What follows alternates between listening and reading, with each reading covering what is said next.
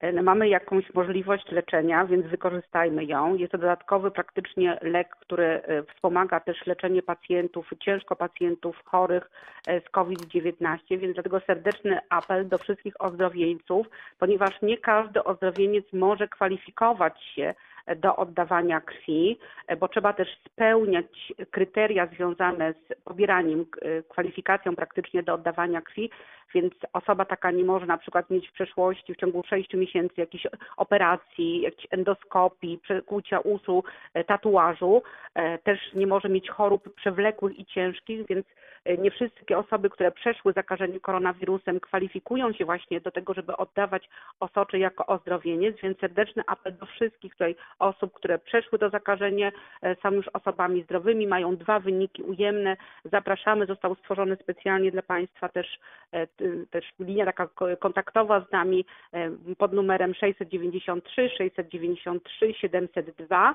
Na stronie internetowej też Państwo mają ten numer i inne numery telefonu, też jest stworzony specjalny mail ozdrowieniecmałpa.rckik.wroclaw.pl i tam też mogą Państwo wszyscy się zgłaszać, ponieważ już mamy kilkadziesiąt podań takiego osocza.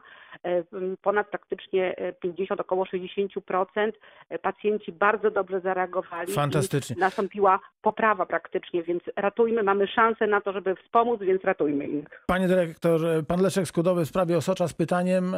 Bardzo proszę, minuta. Dzień dobry. Dzień dobry. Właśnie chciałem się spytać, gdzie można zrobić badania, y, czy człowiek przeszedł ten COVID, czy nie? Bo ja to Mhm. takie objawy, po objawach stwierdziłem, że to już miałem w lutym jeszcze, jak tutaj nie, było tego wiadomo, nie? To objawy grypowe były. No ale duszności, gorączka wysoka. Chciałem się spytać, czy można to gdzieś zbadać przed oddaniem osocza, czy, czy to... No badać, właśnie w y, takich, nie.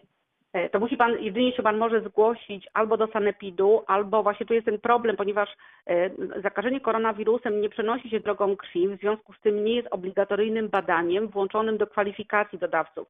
Więc my takiej nie, nie mamy możliwości, żeby zbadać krwiodawców, no bo jakby no, ten wirus Jasne. się nie przenosi właśnie drogą krwi. Pani Więc tutaj dyrektor, czy- proponuję, czyli- żeby się zgłosić Tak. do lekarza POZ-u lub do sanepidu, y, czy jest taka w ogóle możliwość, no albo samemu poszukać sobie, żeby można było Pani takie doktor, musi, musimy kończyć. Na pewno, Tak. Na pewno e, się z e, panią skontaktujemy i będziemy Oczywiście. temu problemowi poświęcać więcej czasu. Bardzo dziękuję za dzisiaj. Kończymy reakcję 24. Za chwilę się mm, e, zameldujemy w KGHM.